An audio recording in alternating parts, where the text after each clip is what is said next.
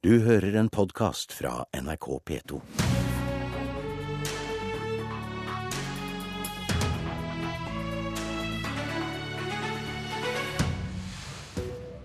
Forbud mot tigging, ja til snøscooterkjøring, ja til poker.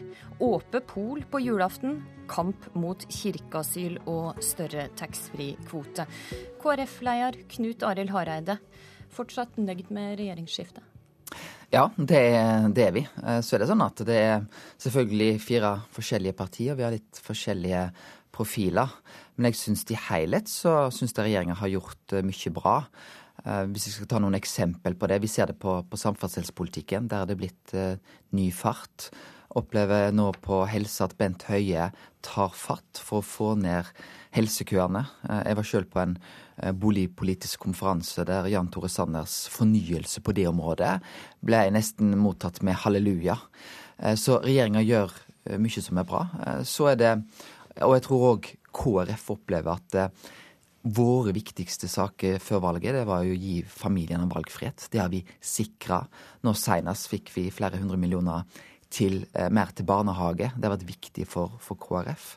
Eh, og bistand, fattigdomsbekjempelse, får vi 1% Vi skal gjøre ting for å bekjempe fattigdom i vårt eget land. Så det er mye som, som er bra, men det er òg eksempel på, på, saker som vi ikke er fornøyd med. Bare en kjapp liten oppklaring. Du sa at eh, det er en ny fart i samferdselspolitikken. Sikta du da til auka fartsgrenser?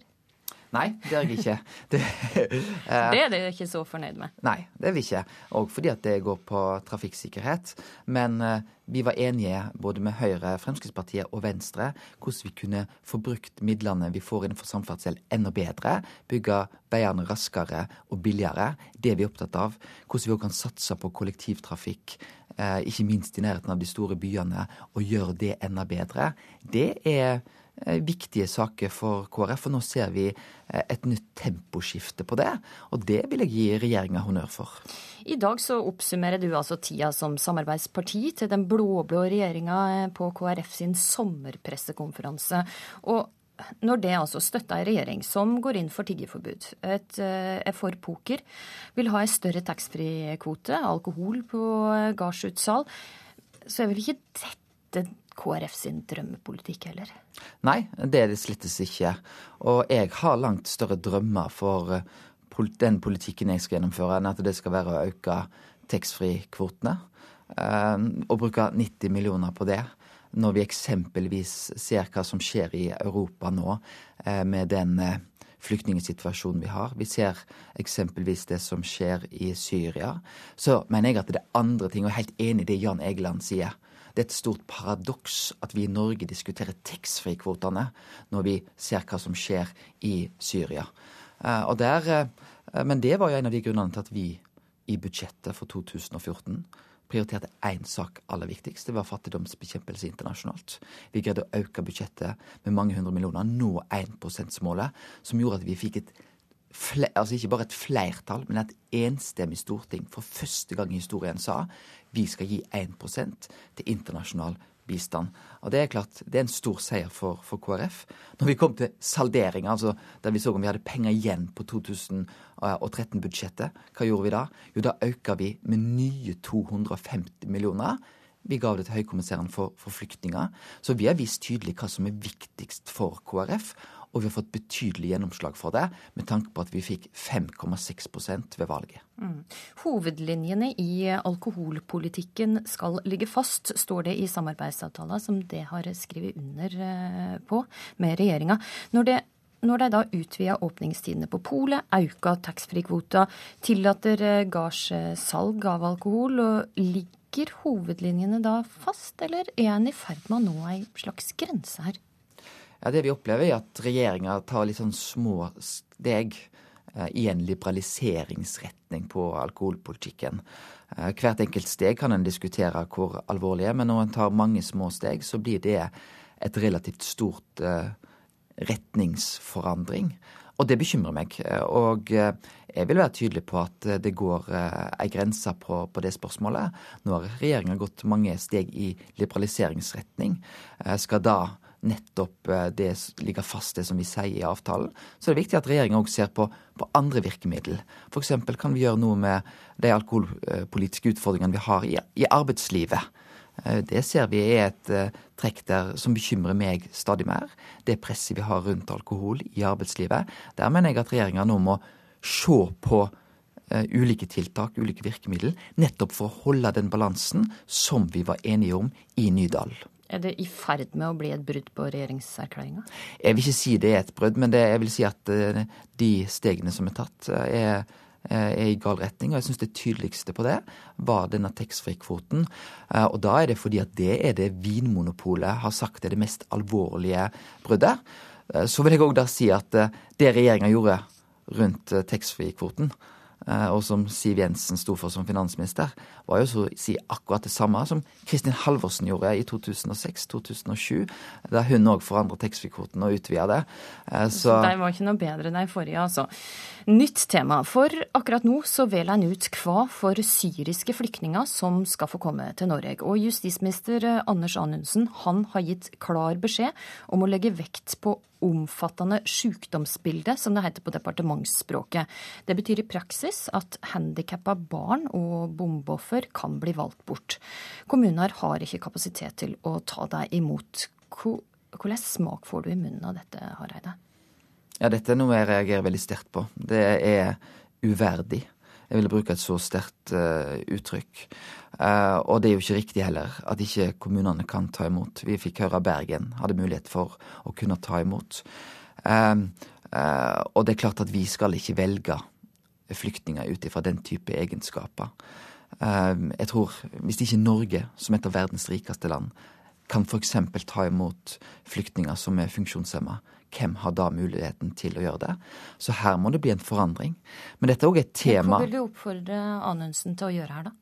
Ja, det er jo at vi må få slutt på den type utvelgelse ut ifra den type egenskaper. Det mener jeg er brudd på en helt tydelig eh, politikk rundt menneskeverdet, eh, som er særdeles viktig for KrF. Og, og det som nå er viktig, er jo at eh, nå har vi Betyr det at det er en brudd av samarbeidsavtalen? Ja, Vi har ikke noen samarbeidsavtale rundt dette temaet her. Eh, det som står i samarbeidsavtalen, som òg er et vanskelig tema for KrF, er jo om en kan velge kvoteflyktninger ut ifra andre egenskaper, altså bedre integrering. Men for å si det sånn, det er få land som kan tilby en bedre integrering for eksempelvis funksjonshemma barn enn det Norge kan gjøre. Så Sånn sett så kan du snu samarbeidsavtalen til å si at er det nettopp et land som skal ta imot barn eh, krigsskadde, eh, funksjonshemma, så er det nettopp Norge som står i en særstilling og har gode muligheter til å gjøre nettopp det.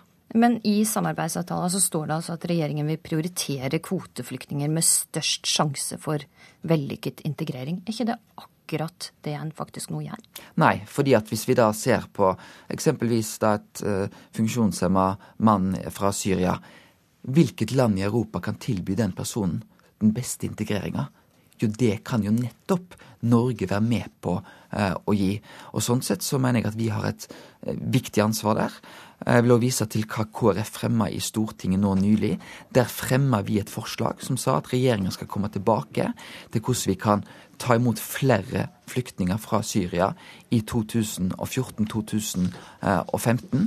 Det var et forslag som vi ikke fikk regjeringspartiene med på, men vi fikk flertall med på det fordi Arbeiderpartiet, Venstre, Senterpartiet, SV og Miljøpartiet De Grønne støtta KrF.